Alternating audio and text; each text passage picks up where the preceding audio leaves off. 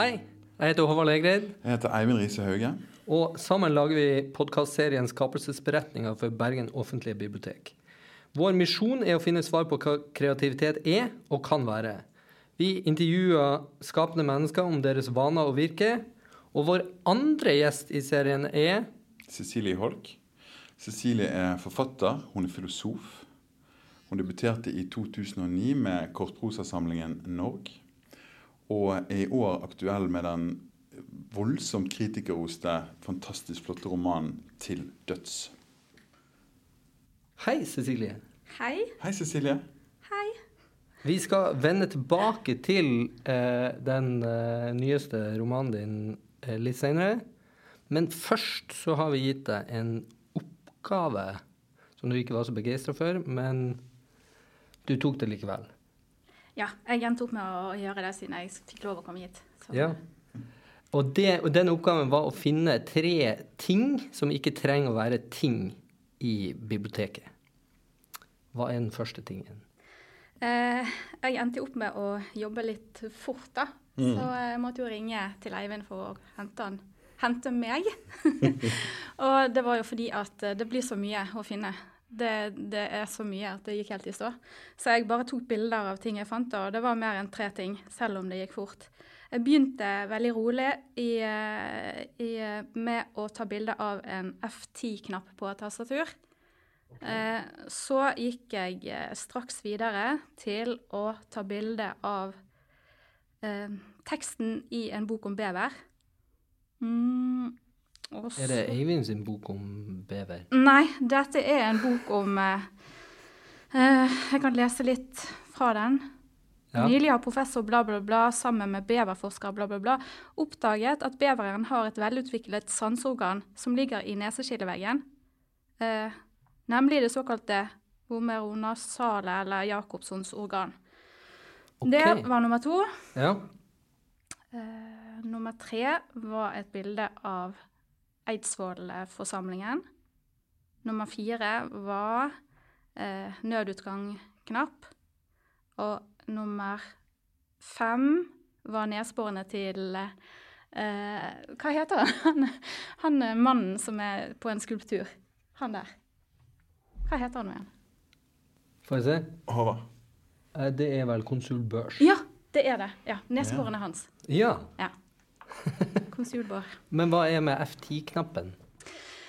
Eh, det er veldig naturlig for meg å bare gå rett bort til tastaturet, akkurat som jeg trekkes mot det. Fordi mm. jeg er besatt av tastatur og touchmetode. Okay. Det begynte veldig tidlig da vi hadde EDB-undervisning på skolen. Og han som vi hadde som lærer da, han hadde ikke tro på internett og dette faget da. Så han lot alt bare flyte. Folk hadde egentlig fritime. Det var vel omtrent samtidig som eh, artikkelen 'Internett er et flopp', eh, Ja. der det var en anmeldelse av internett.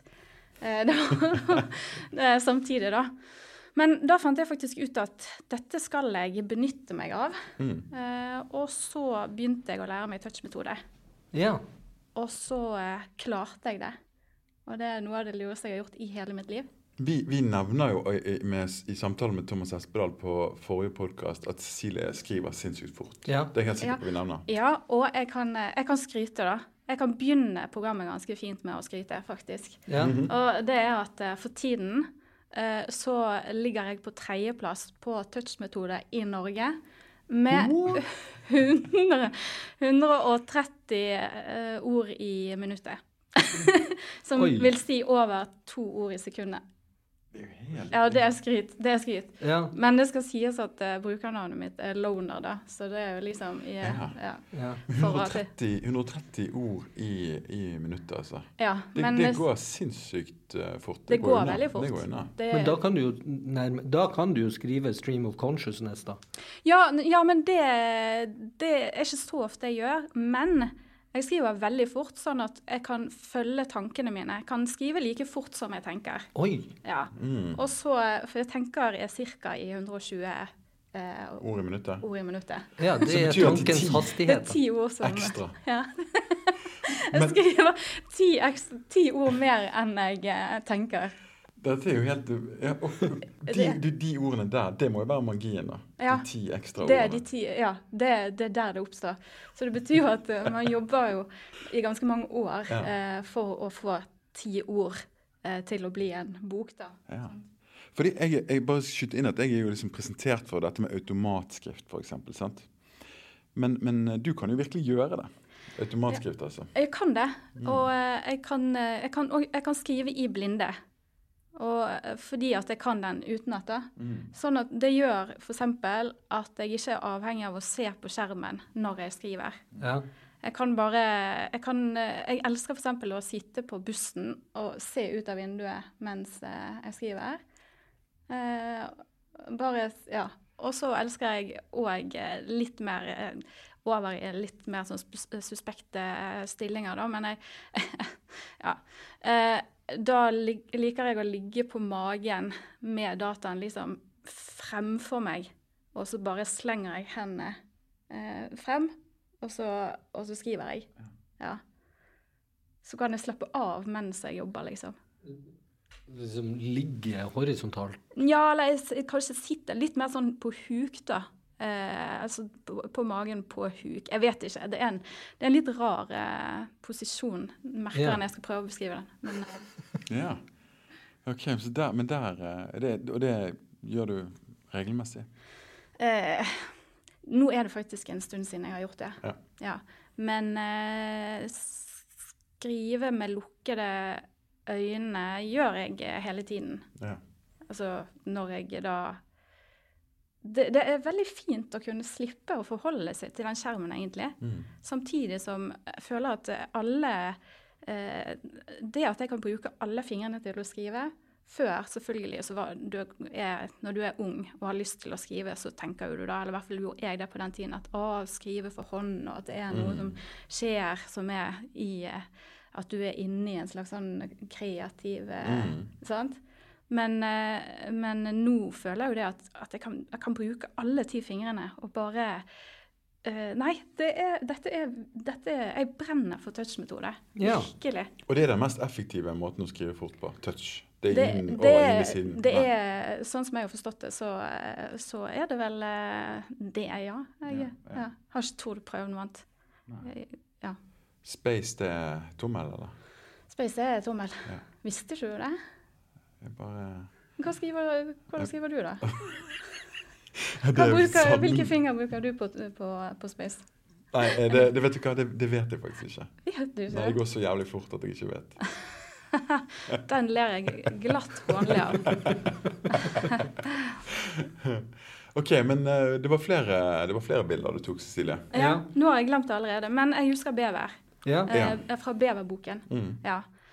Og jeg kjenner det at det, det første som skjer når jeg eh, Jeg blir, trukket inn på den sakprosaavdelingen ganske Mm. fort. Så jeg, jeg merket at jeg bare gikk rett dit uten at jeg hadde tenkt eh, så mye gjennom hva jeg skulle egentlig. Og så var det bare rett bort til eh, beveravdelingen. og lese litt om det der, da.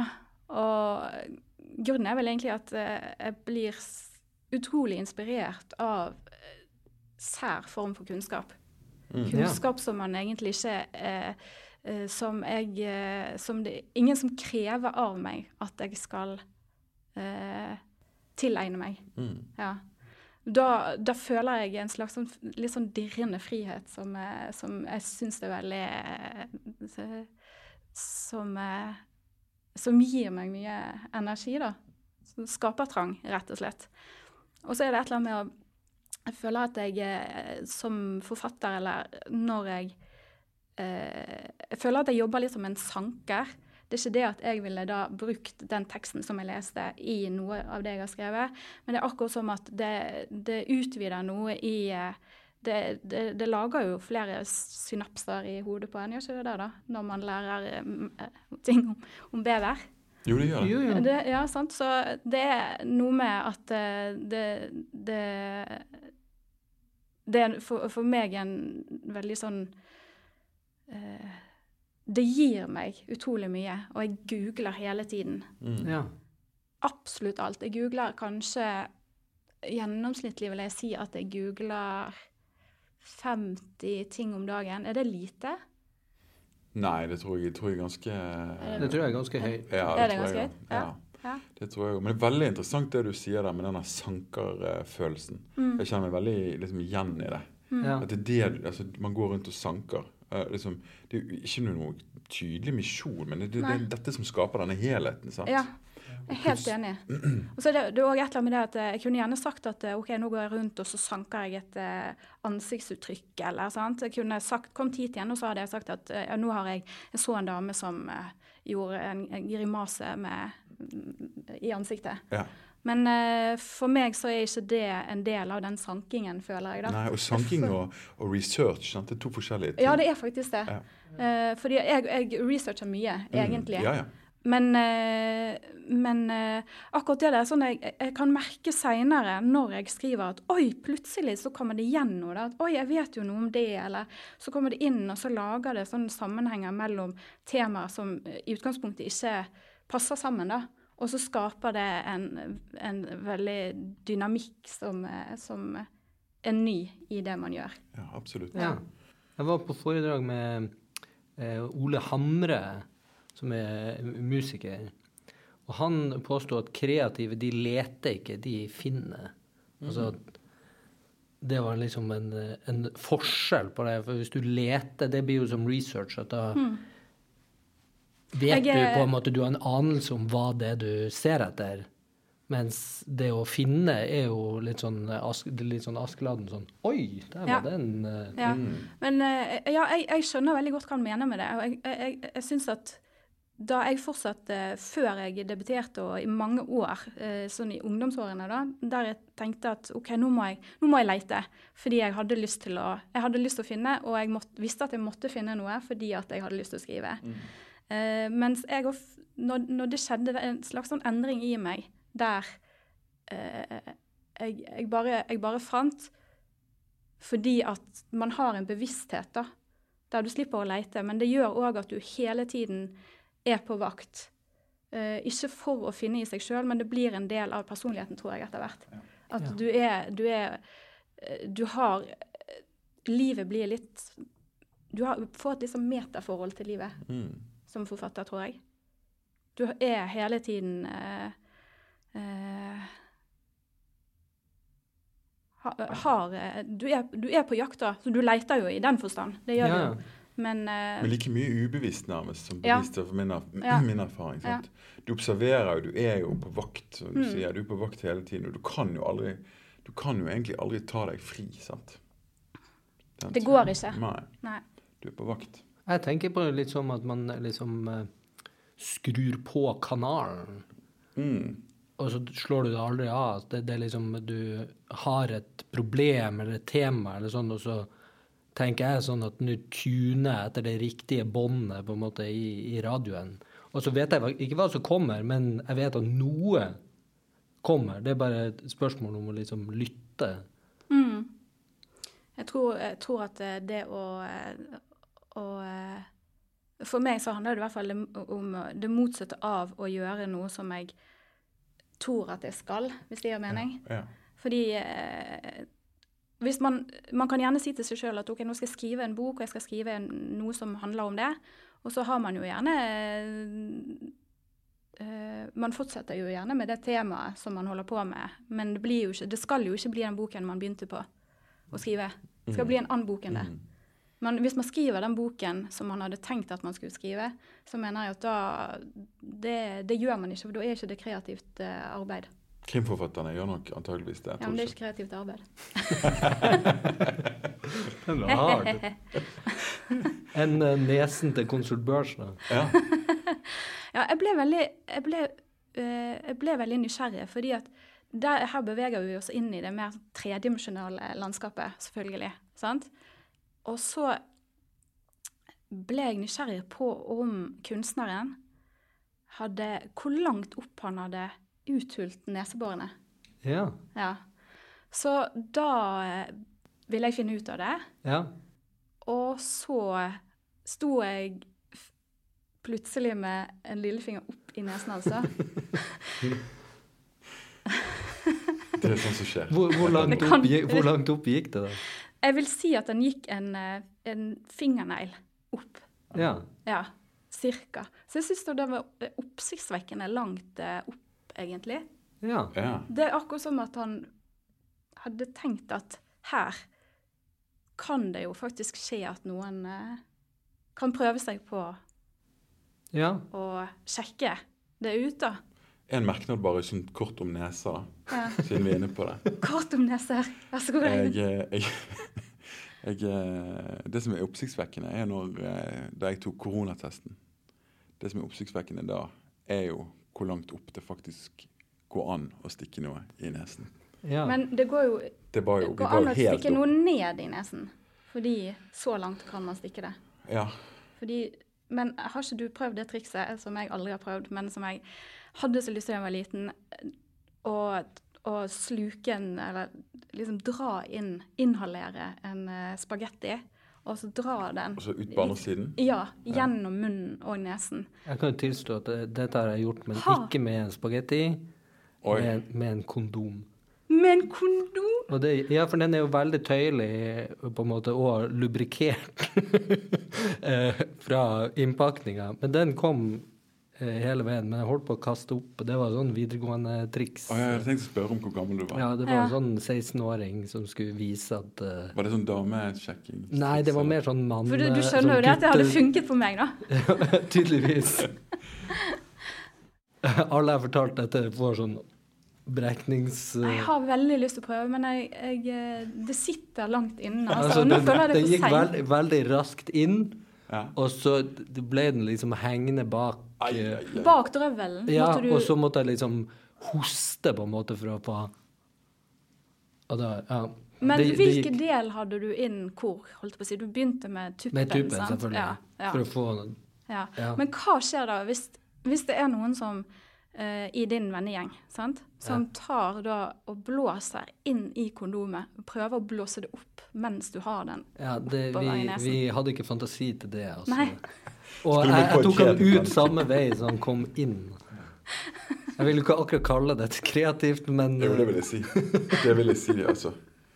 Det vil jeg si. men det var definitivt det riktige material å, å prøve dette på. Ja, ja. Selv om det lukta jo litt underlig i nesen ganske lenge.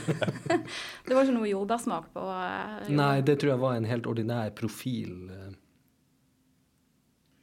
Med lateksduft. jeg, tror vi har lærer om nye ting eh, Ja. hver dag. Og, og, Ja. ja. jeg tror vi har dekka de tre tingene fra Ja, Med mindre du var noen andre ting du absolutt ville snakke om der, da. Eh, ja, som sagt så er det litt det som, eh, som jeg kan synes det er slitsomt. Det er bra, men det er òg slitsomt at det, det er så mye jeg syns er spennende. da. Jeg syns i utgangspunktet at det er altfor mye som er spennende. Så jeg kunne gått der nede nå og tatt sikkert eh, bilder hvert eh, tredje sekund, jeg. Ja. I, I evigheter. Ja. Ja. Så jeg prøver å eh, Ja, nei, det, det er vanskelig når man har den eh, kanalen som bare er på. Ja. Så, eh, men det er jo fint òg. Det er jo veldig gøy, da. Fordi verden blir jo Det er jo betenkelig, alt det som finnes i verden. ja. Men kan du slå den av, da? Kan du slå av den eh, kanalen, da, eller hva man eh, nå skal kalle det? Nei, jeg kan ikke det. Nei. Jeg kan ikke det, altså.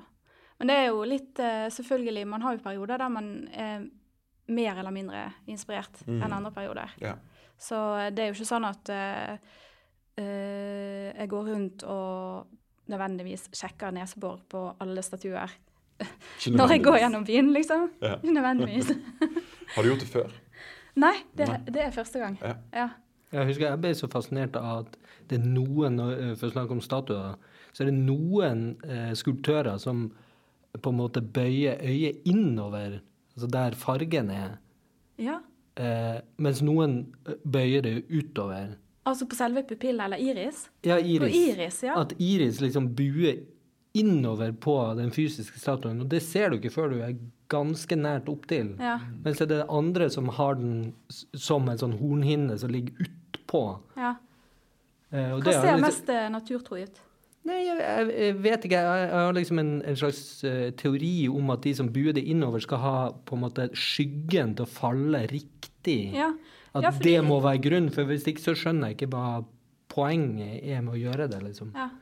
Det, er, eh, det sier òg eh, en del om kunst at man må, for å få noe virkelighetstro, så må man gjerne inn i noe som er falskt. Mm, Ja. Mm. ja. Jeg kan jo for ordens skyld opplyse at den flotte statuen du har sett eh, av konsul Børs, det er jo Ambrosia Tønnesen som har eh, utforma, og biblioteket har to til Mm. eh, sånne byster stående for de som har lyttere som er interessert i slikt. De kan man også se opp i nesen på. For de som er interessert i slikt. Ja.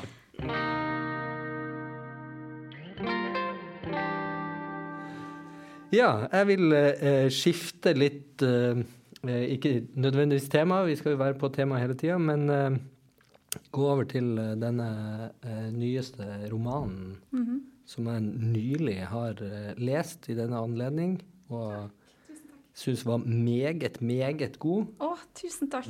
Eh, eh, og den resonnerte jo da litt sånn spesielt for meg. Eh, eh, min mor døde for 18 år siden i en sånn kreftsituasjon. så det var jo også litt sånn der, eh, ståpels eh, her og der. Vi trenger ikke å gå inn i det spesifikt. Jeg tenkte vi skulle snakke mer om døden som tema, og kanskje metafor. Og eh, der eh, er det en litt sånn eh, eh, halvveis tvilsom selvhjelpsmann som heter Mark Manson, som hardnakka da i hans bok påstår at man lager ting utelukkende av dødsfrykt. Altså at det er en slags sånn for at noe skal bestå etter en sjøl er forbigått. En sånn legacy-tanke, på en måte. Hva tenker du som har jobba tett i denne materien? Nei, jeg tenker ikke det i det hele tatt. Nei. Nei. Uh, jeg skriver virkelig ikke for å bli husket. Jeg skriver for å overleve.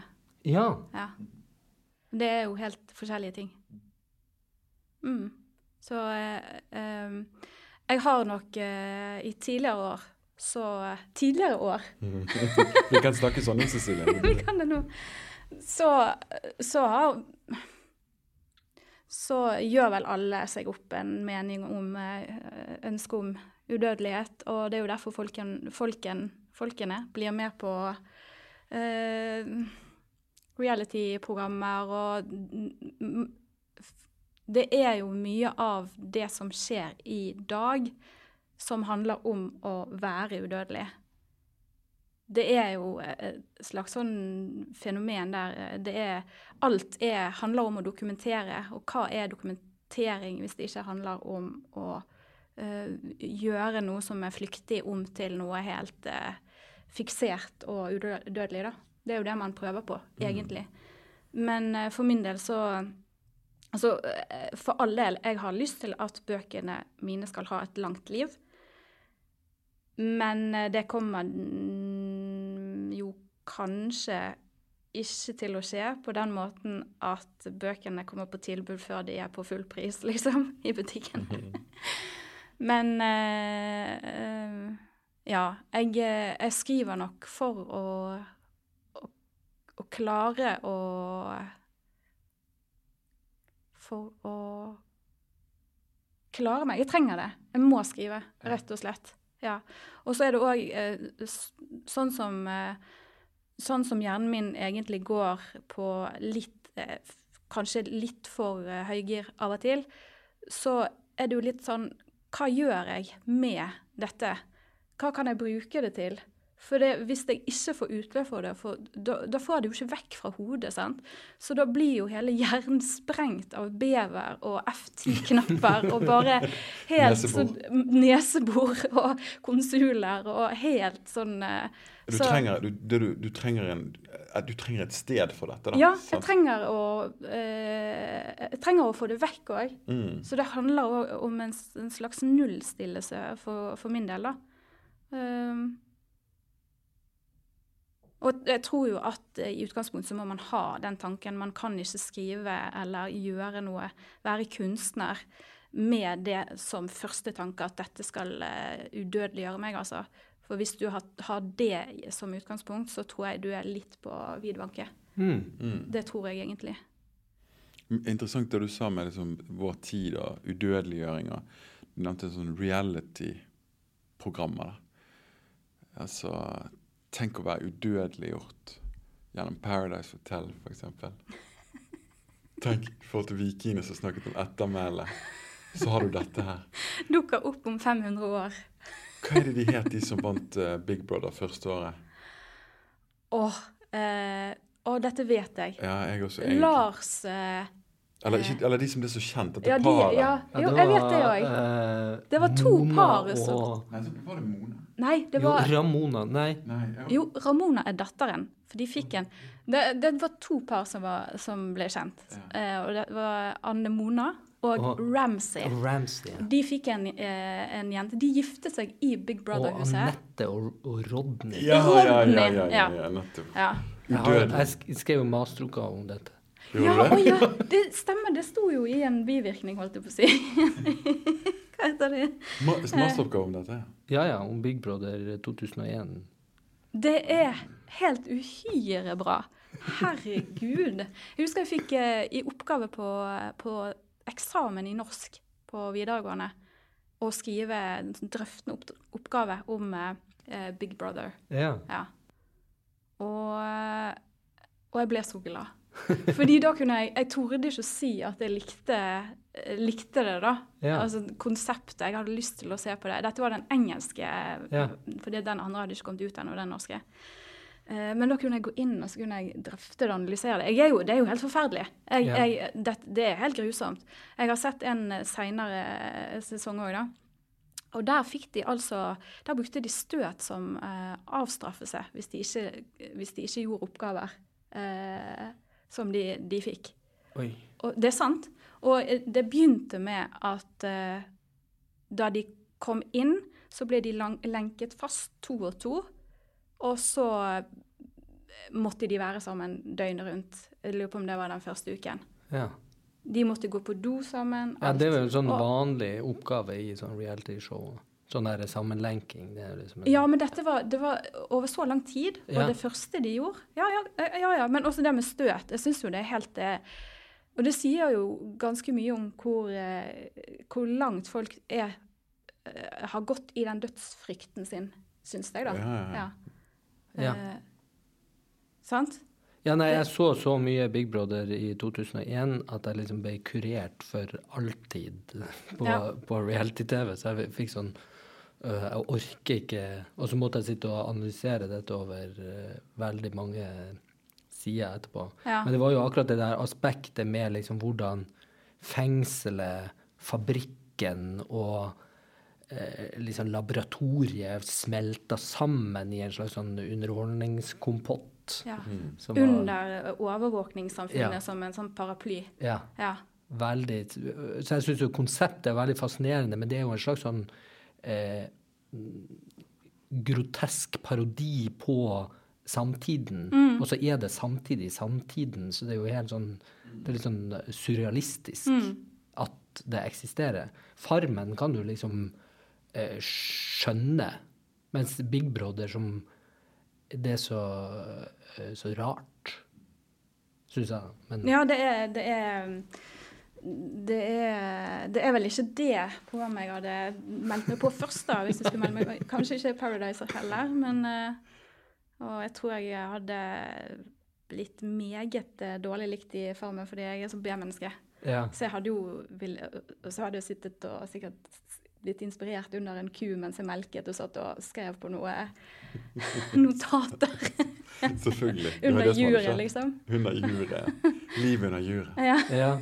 Mitt Men du er vel ikke helt sånn fremmed for sånn iscenesettelse? er du det? Nei, det har jo vært eh, litt av det, Ja. det opp gjennom tidene. Hvorfor ler du, Eivind? Nei, jeg bare, jeg bare tenkte på det. Jeg tenkte på at det sto eh, også på, I Wikipedia-artikkelen så står det også 'performancekunstner'. Ja, ja. gudene vet hvor det kommer fra. Jeg har, vel, jeg har jobbet en del på scene, da. Det har jeg. Jeg har, har dramatikerutdannelse. Ja, det har du. Mm. Og, eh, Spilt i band har du jo. og det har jeg òg. Så jeg har, jeg har jo opptrådt mye. Og så eh, har jeg skrevet teatertekster, eller eh, tekst for scene som jeg sjøl har vært, eh, vært med i. Eh, og eh, hatt mye opplesninger. Som jo da, jeg tror at Grunnen til at noen har skrevet det på Wikipedia-siden, er nok fordi at mange av tekstene mine fra mine kortprosasamlinger har, eh, eh, har kunnet eh, gjøres på en mer sånn eh, performanceaktig måte, da. Mm. Så eh, ja. Mm. Skal vi vende tilbake til døden uh, igjen, kanskje? Snakker du vi veldig jeg hadde litt lyst til å spørre om uh, Altså, jeg skjønte det sånn at det er vel eh, Nå er jo ikke den romanen selvbiografisk som sådan, men det, det er jo basert på en del eh, egenopplevde følelser og sånt. Absolutt, det er Ja. det. Ja. Det er jo ikke Det har jo eh, eh, Det er jo ikke noe hemmelighet at dette er basert på at jeg sjøl har opplevd å miste en far som jeg tok eh, hånd om og pleiet frem til han døde. Mm. Det, det, det sier jo seg sjøl at eh, i og med at dette er en roman der hovedpersonen har et annet navn enn meg, allerede der så, så, så skjønner man jo at det ikke er meg det handler om. Men det er jo likevel sånn at når du går inn eh, og reflekterer rundt døden på den måten som jeg gjør, så kan du ikke feike eh, Du kan ikke feike refleksjoner, da. Nei. Det kan man jo ikke gjøre. Du kan fake handling og, og sånn, og handlingen er faket i den boken. Jeg har skjønt nå i ettertid først at det er eh, hvor for meg hadde kunnet fremstå Jeg har ikke sett um, handlingen fra innsiden. Så jeg har nok kanskje først i ettertid sett at oi, her eh, skjønner jeg jo veldig godt hvis noen tror at jeg har, har eh, skrevet om helt konkret handling som har skjedd.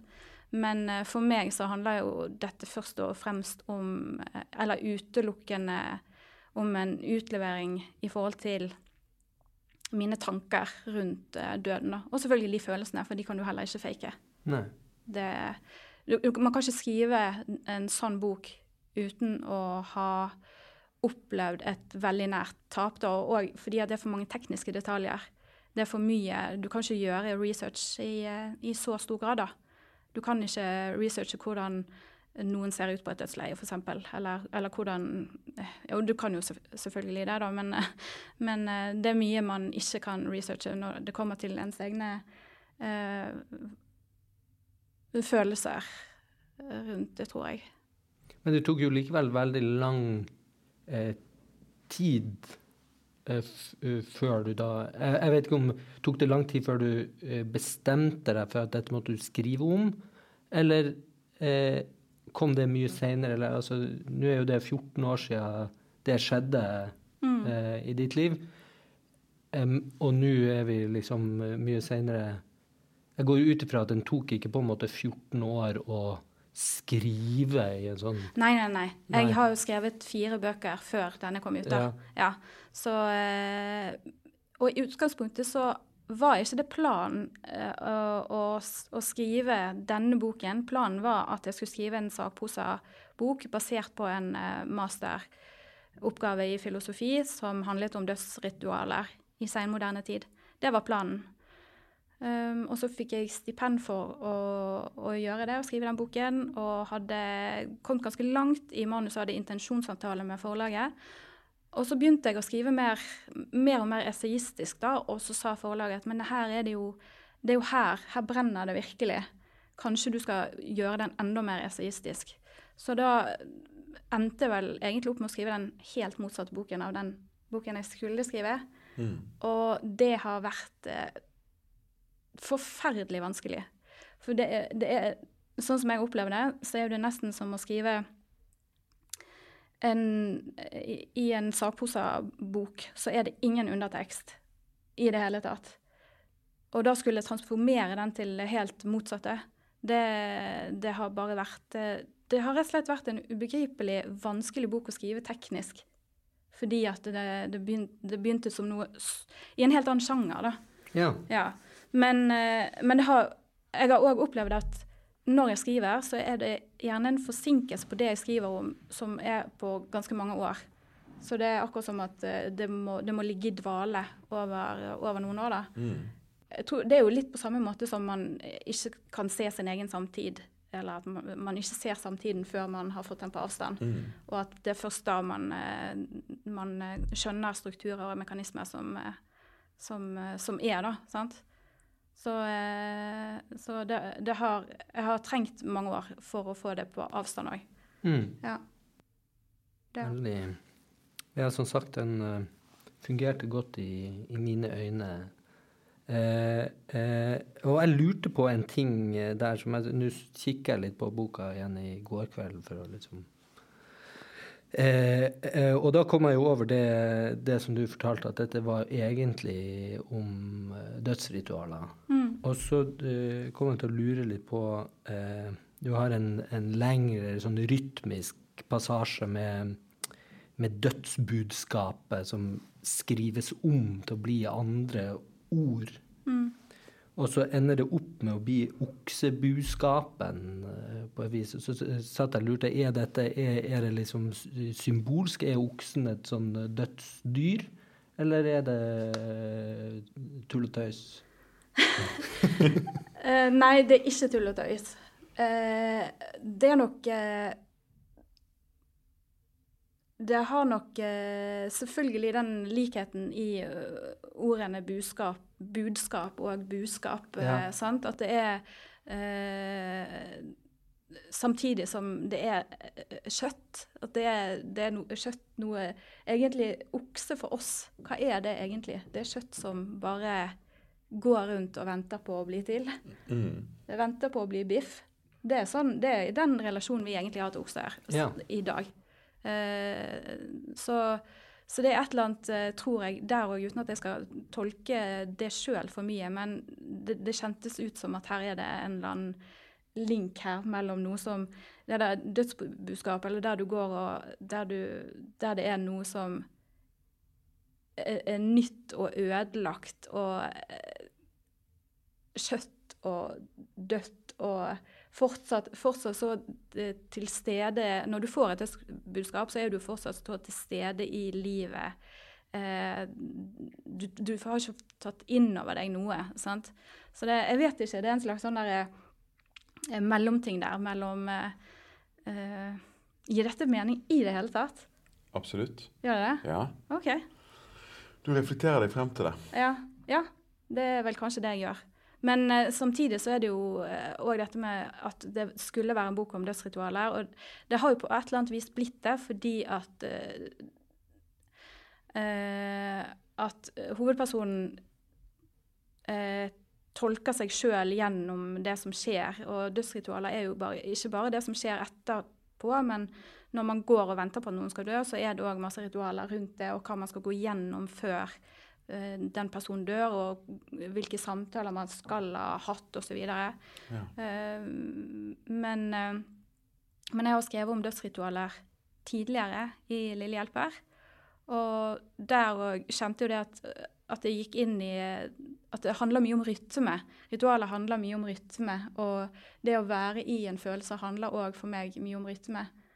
Jeg er jo inspirert mye av musikk og skri, skriver mye til musikk. Jeg Mm. liker å, ha, å høre på musikk når jeg skriver. Så det er alltid en rytme i grunnen der, føler jeg, da.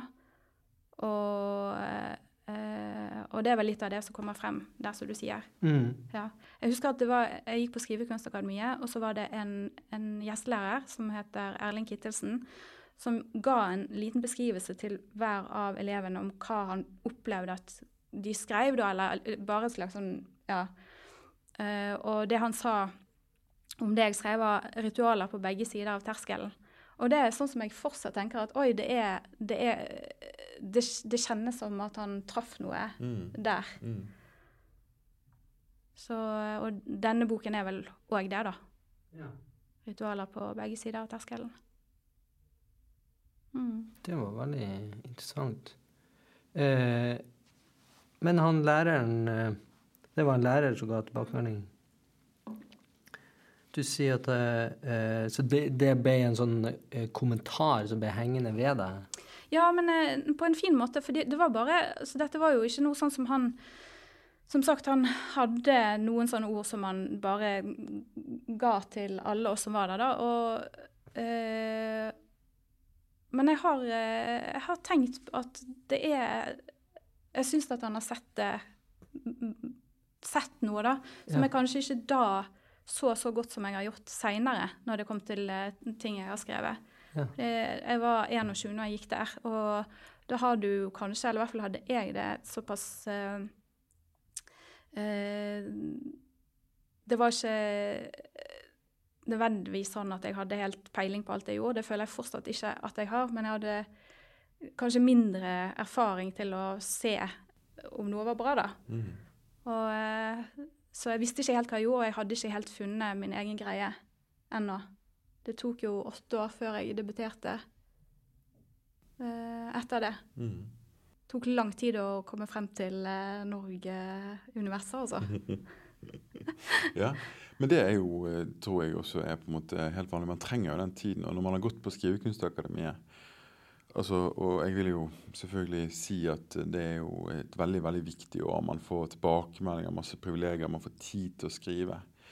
Men i, i min erfaring så må man jo også avlæres det året på et vis da, for å, for å komme frem til det Ja.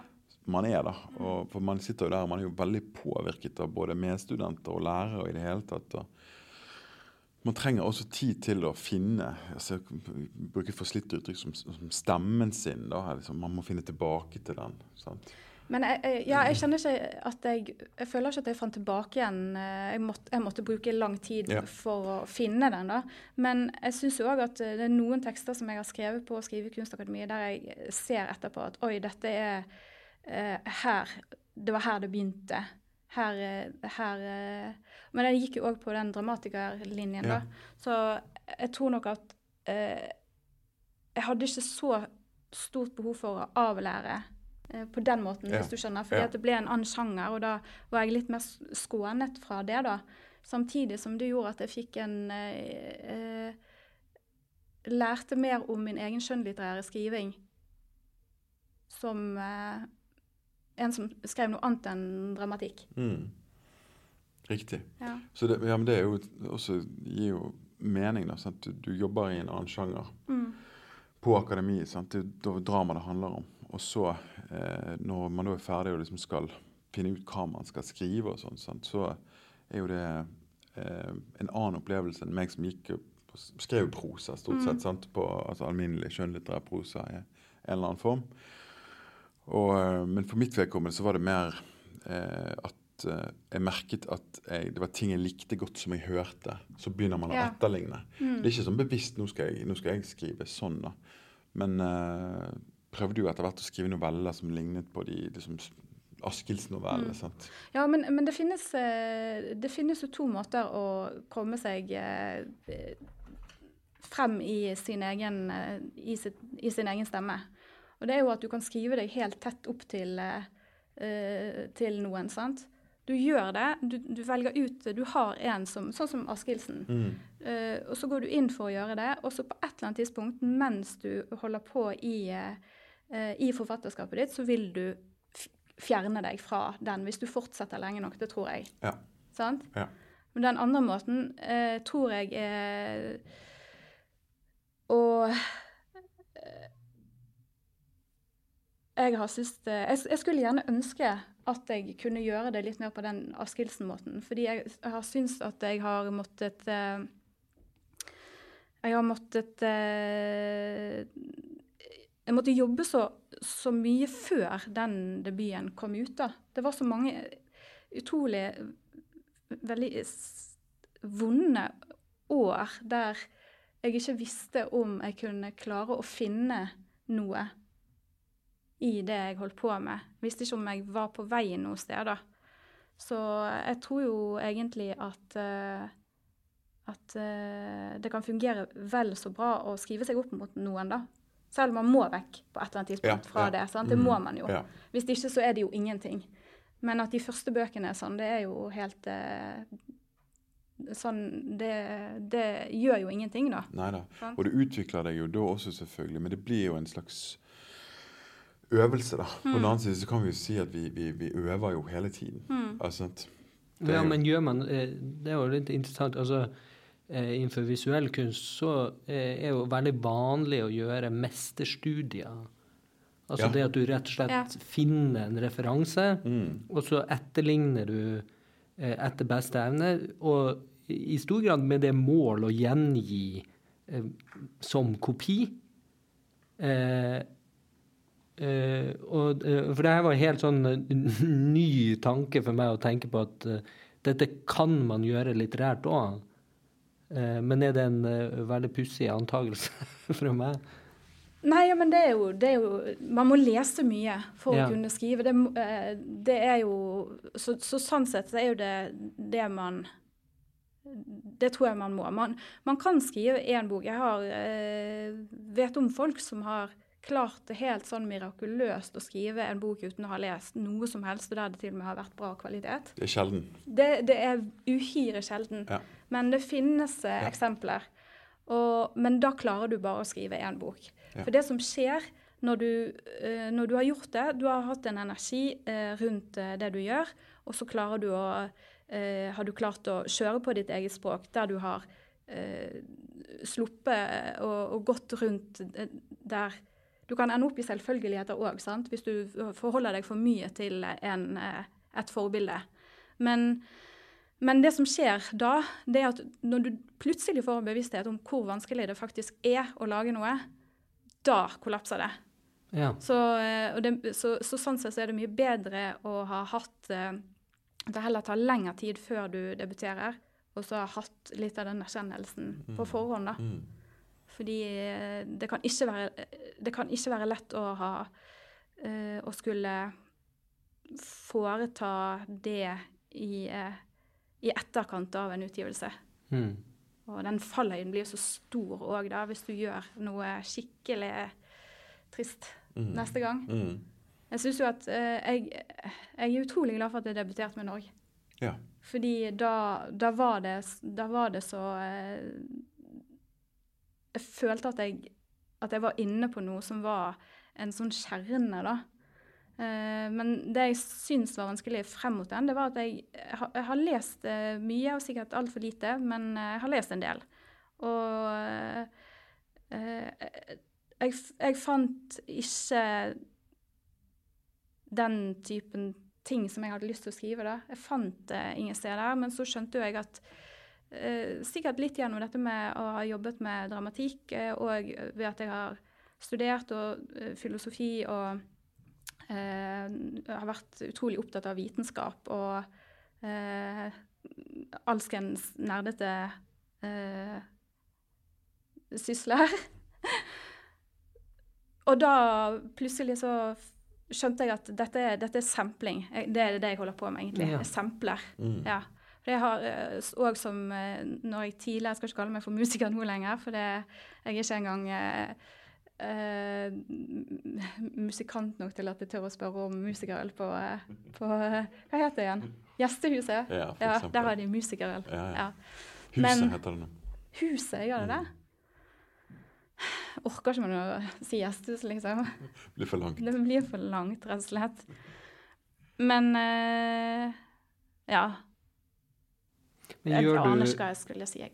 Nei, men gjør du uh, stilstudier da, som øvelse? jo, det er der jeg føler at uh, da jeg skrev Norge nå eh, har jo ikke vi snakket noe om den eh, boken, da.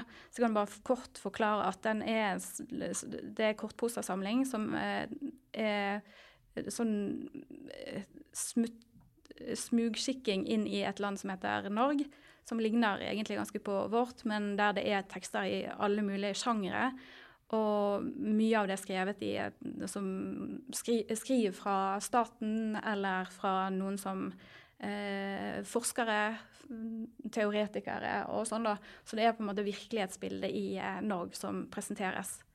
Og der var det sånn at jeg eh, da, jeg, jeg har hatt glede av, meget stor glede av å gå inn og studere ulike former for terminologier, måter mm. å uttrykke tekst på. Ja. Og den patosen man kan ha som eh, en som er eh, Hvis det er noen som sier eh, ja, dette Eh, professoren har sagt eh, han, er, han, har sagt sånn og sånn. Han er professor.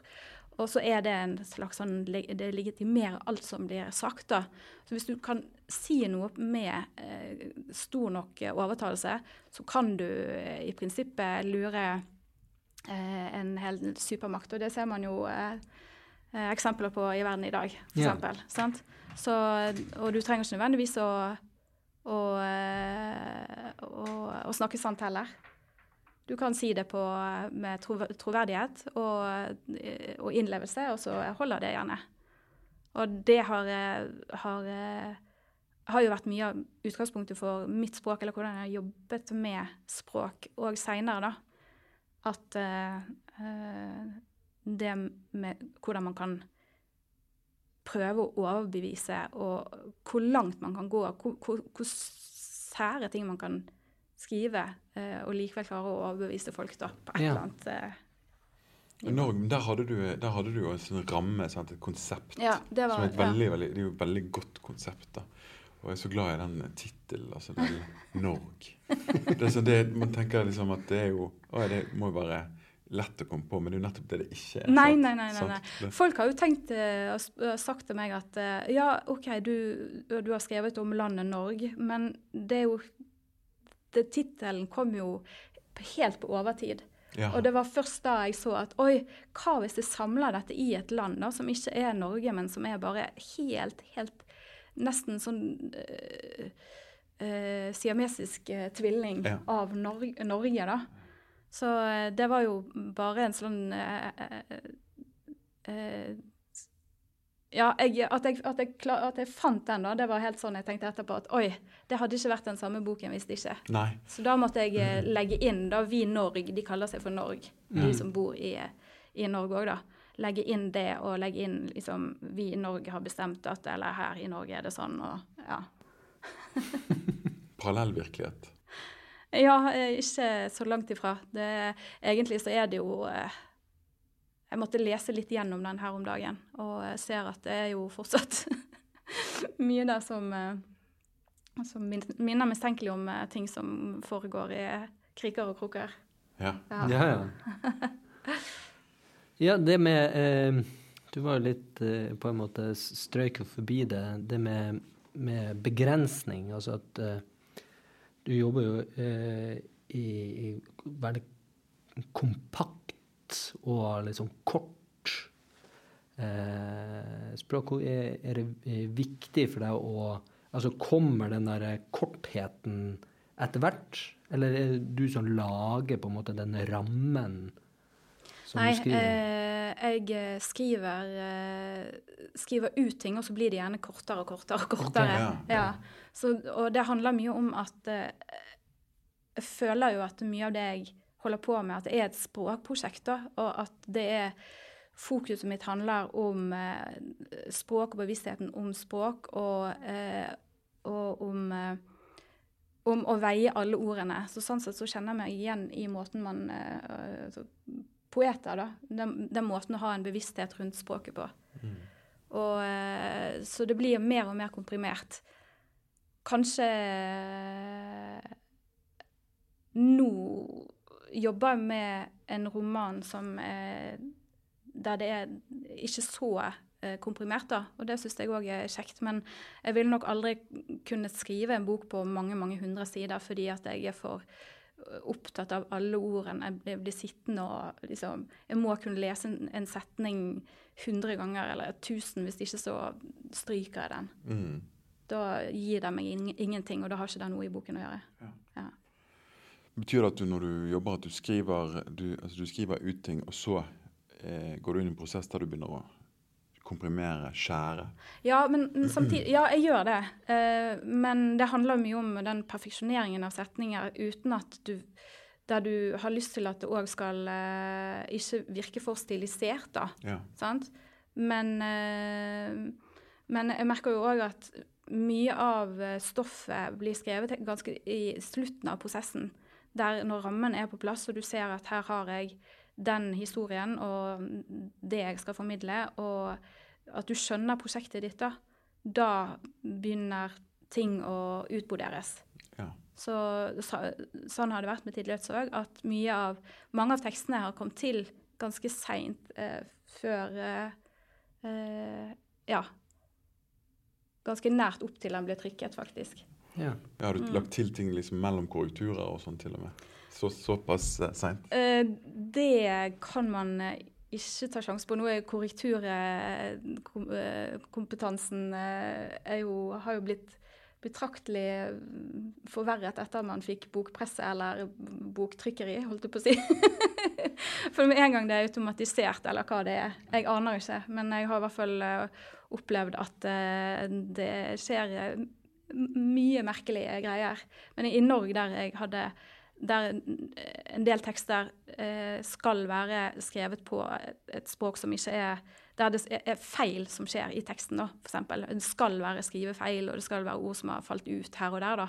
Eh, fra en del mer sånn, mer sånn tabloide tekster. Og da måtte redaktøren min skrive spesifikt at NB dette skal ikke rettes, her skal det være feil, da. Men da rettet de det. Da, da gikk de inn og satte foten ned, og det det orket de ingenting av.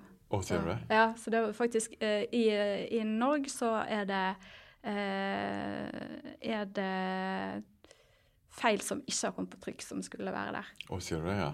Mm. Det, blir jo nesten en tekstlig autotune. Eh. Ja. Ja. ja men det, det, føles litt sånn, altså. Så ja.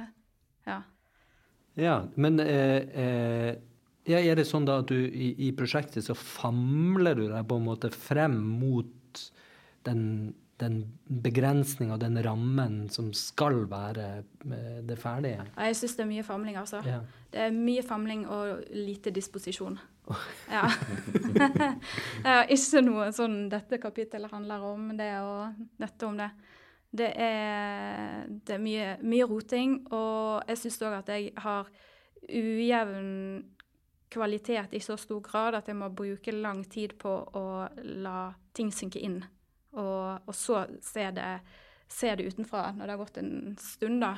Ja. Og, og, så er jeg òg eh, Føler jeg eh, fortsatt avhengig av å ha en dialog med, med redaktør, og der man ser får noen andre til å se på det utenfra. Ja. Nå har jeg få lesere. Jeg har ikke hatt noen lesere sånn privat, da. Jeg vet jo at forfattere benytter seg av det, men jeg har ikke følt meg komfortabel med det. Nei.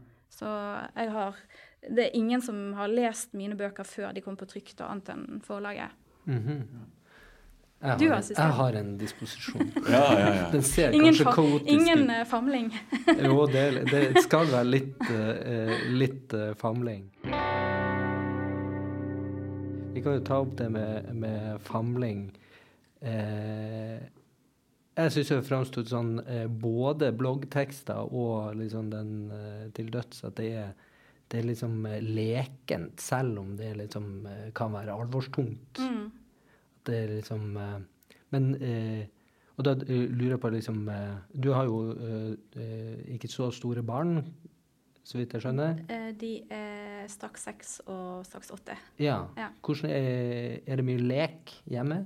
Det er veldig mye tøysing. Ja. ja. Men jeg syns at eh, jeg, jeg, vil ha de med på mer tull, da. Ja. Jeg har lyst til at vi skal f.eks. gå på slang. Jeg spurte eh, sønnen min om vi skulle gå på epleslang her i, nei, i høst en gang. Her i vinter.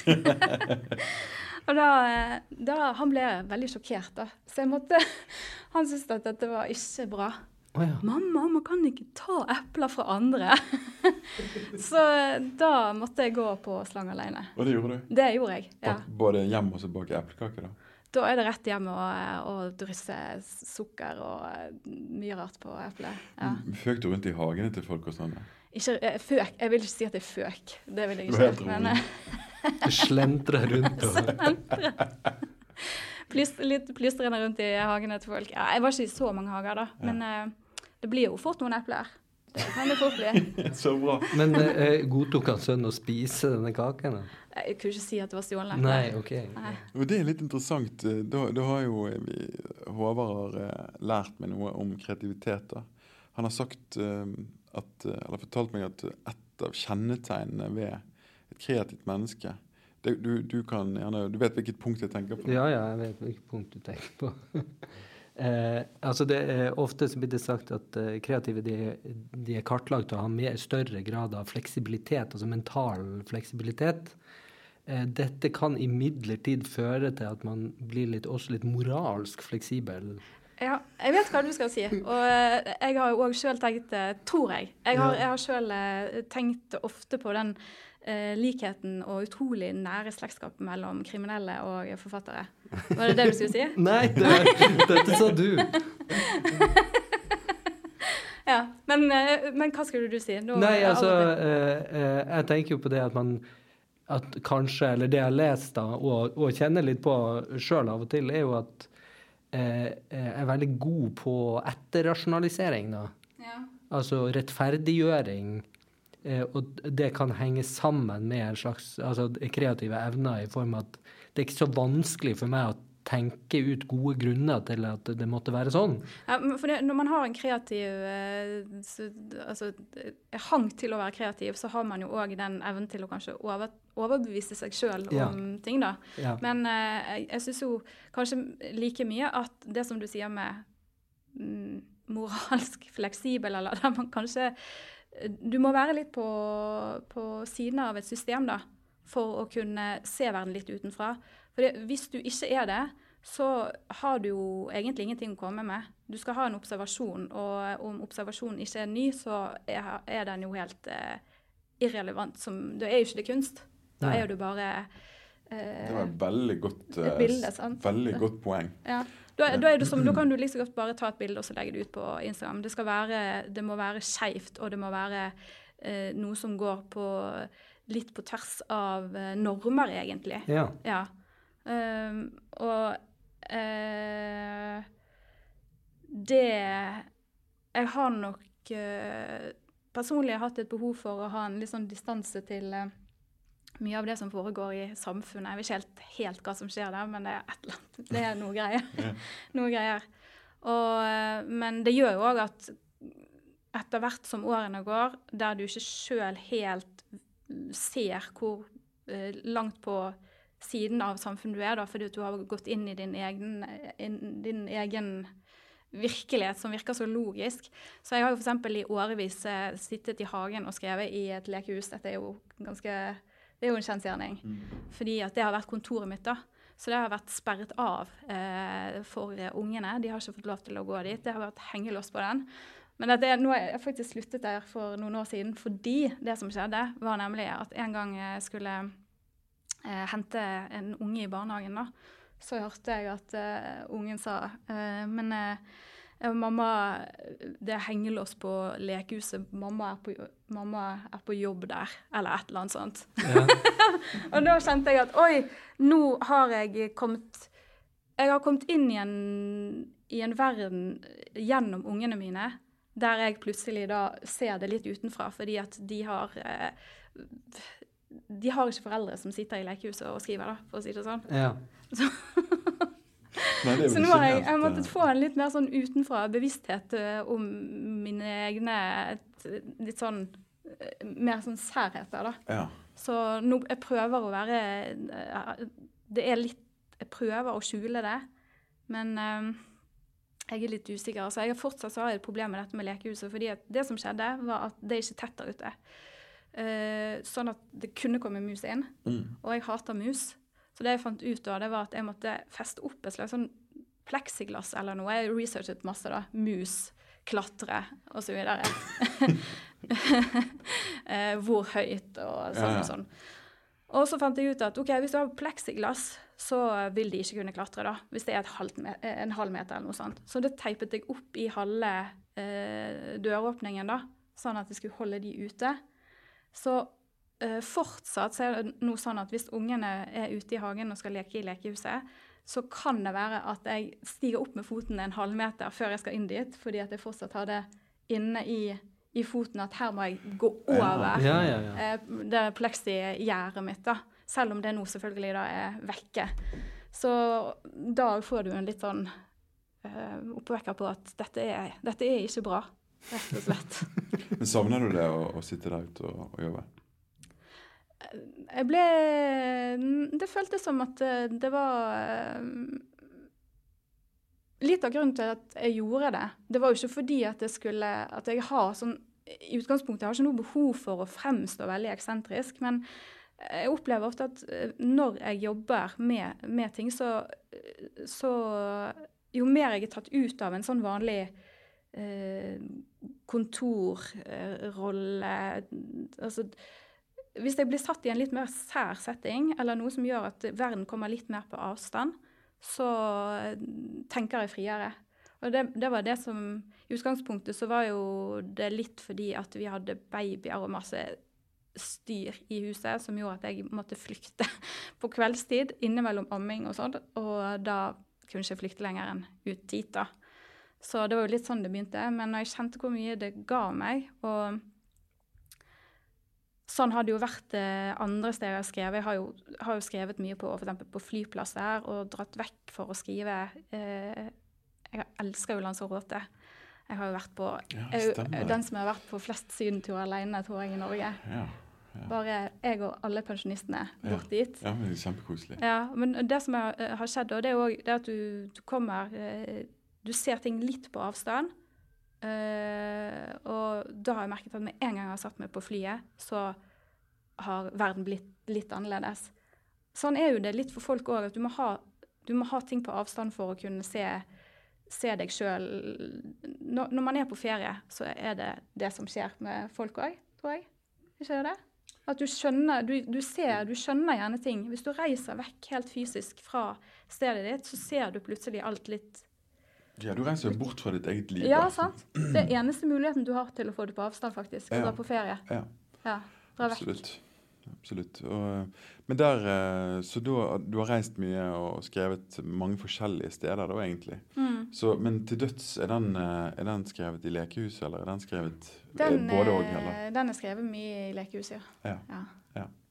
Det er den faktisk. Så neste roman da eh, kan vi ikke se lekehuset igjen i teksten?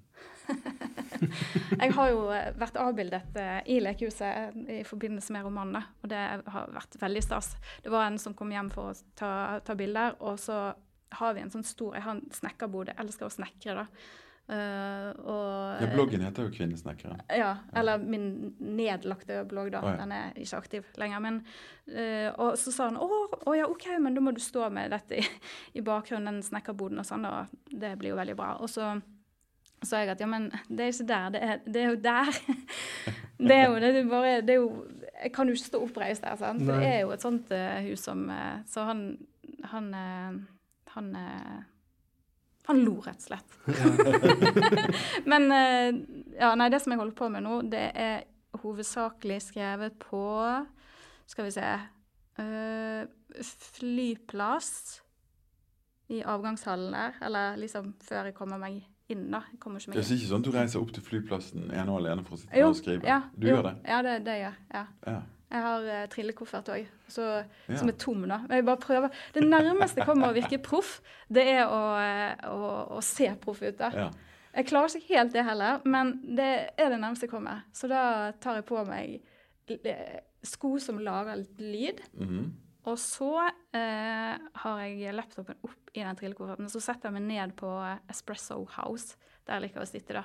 Så tar jeg opp trillekofferten, så må du være veldig forsiktig med at ingen ser innholdet. da. Ja, som... Så du må se litt suspekt ut når du åpner den, og bare skule litt på folk, sånn at de uh, skal skjønne at her er det Det er litt interessant da, fra, fra, fra, lekehuset, som er veldig lite, til en flyplass. Ja, det har jeg faktisk ikke tenkt på, men det er jo sant. Ja, Og så er den skrevet på kjøpesenter. Det, jeg, jeg er òg utrolig glad i kjøpesenter. Nei, men det, det er helt, helt Du tror meg, sant? Ja, ja, selvfølgelig det som, det som skjer eh, når jeg er på kjøpesenter, det er at jeg får en sånn indre total ro. Det, jeg føler meg så rolig. Og det, det gir meg litt av det samme som, eh, som å være ute i naturen.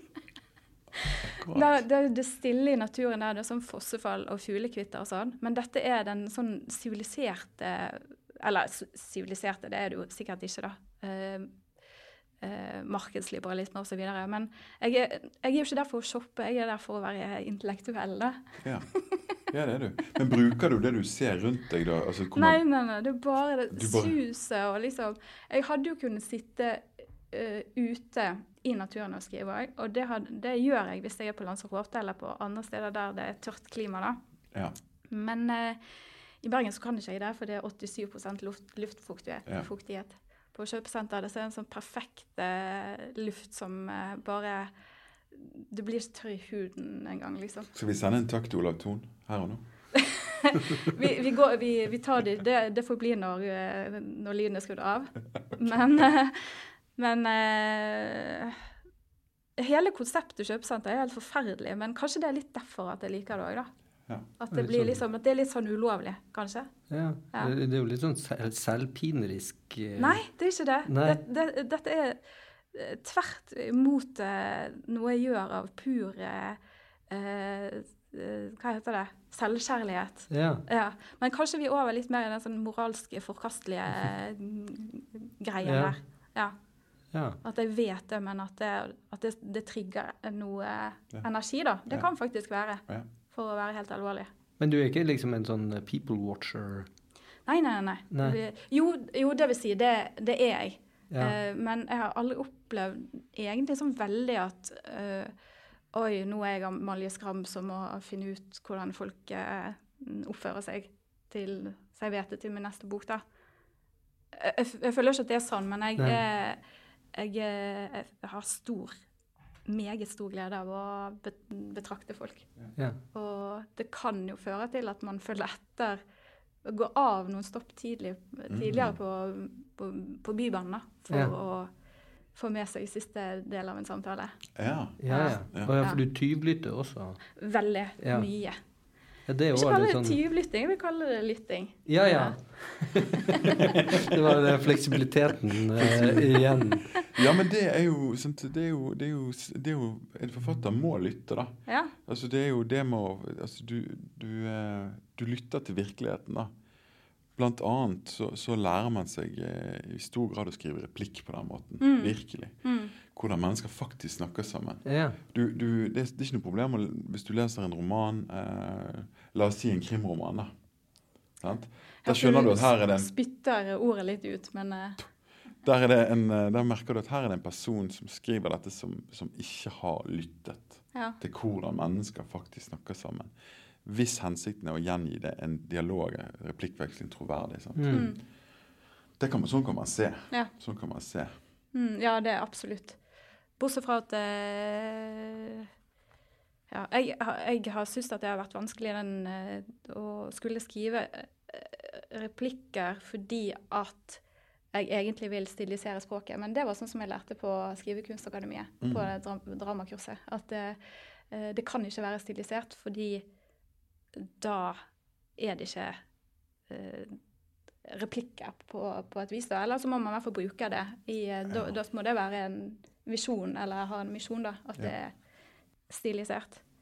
Men, eh, men ja, man må eh, Uansett så det er jo vanskelig å skrive en bok uten noe som helst form for replikker.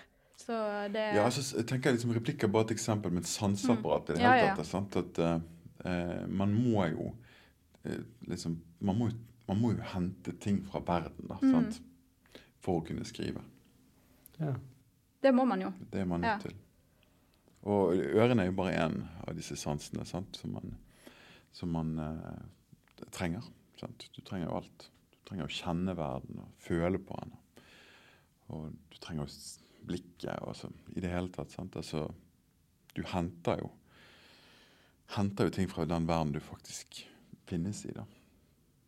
Og det Men så har man jo et vell av fortolkningsrom og muligheter. Sant? Det er jo dette som, eh, som gjør oss til så så Men forskjellige. samtidig så, så kjenner jeg at jeg, jeg er jo helt enig med men Det er jo Hvis man Kunst er jo ingenting hvis det ikke sier noe om verden, eller om den tiden man lever i, eller om en annen tid, eller sant. Så sånn sett så er jo det, er jo det per definisjon sånn at det danner utgangspunktet for kunsten.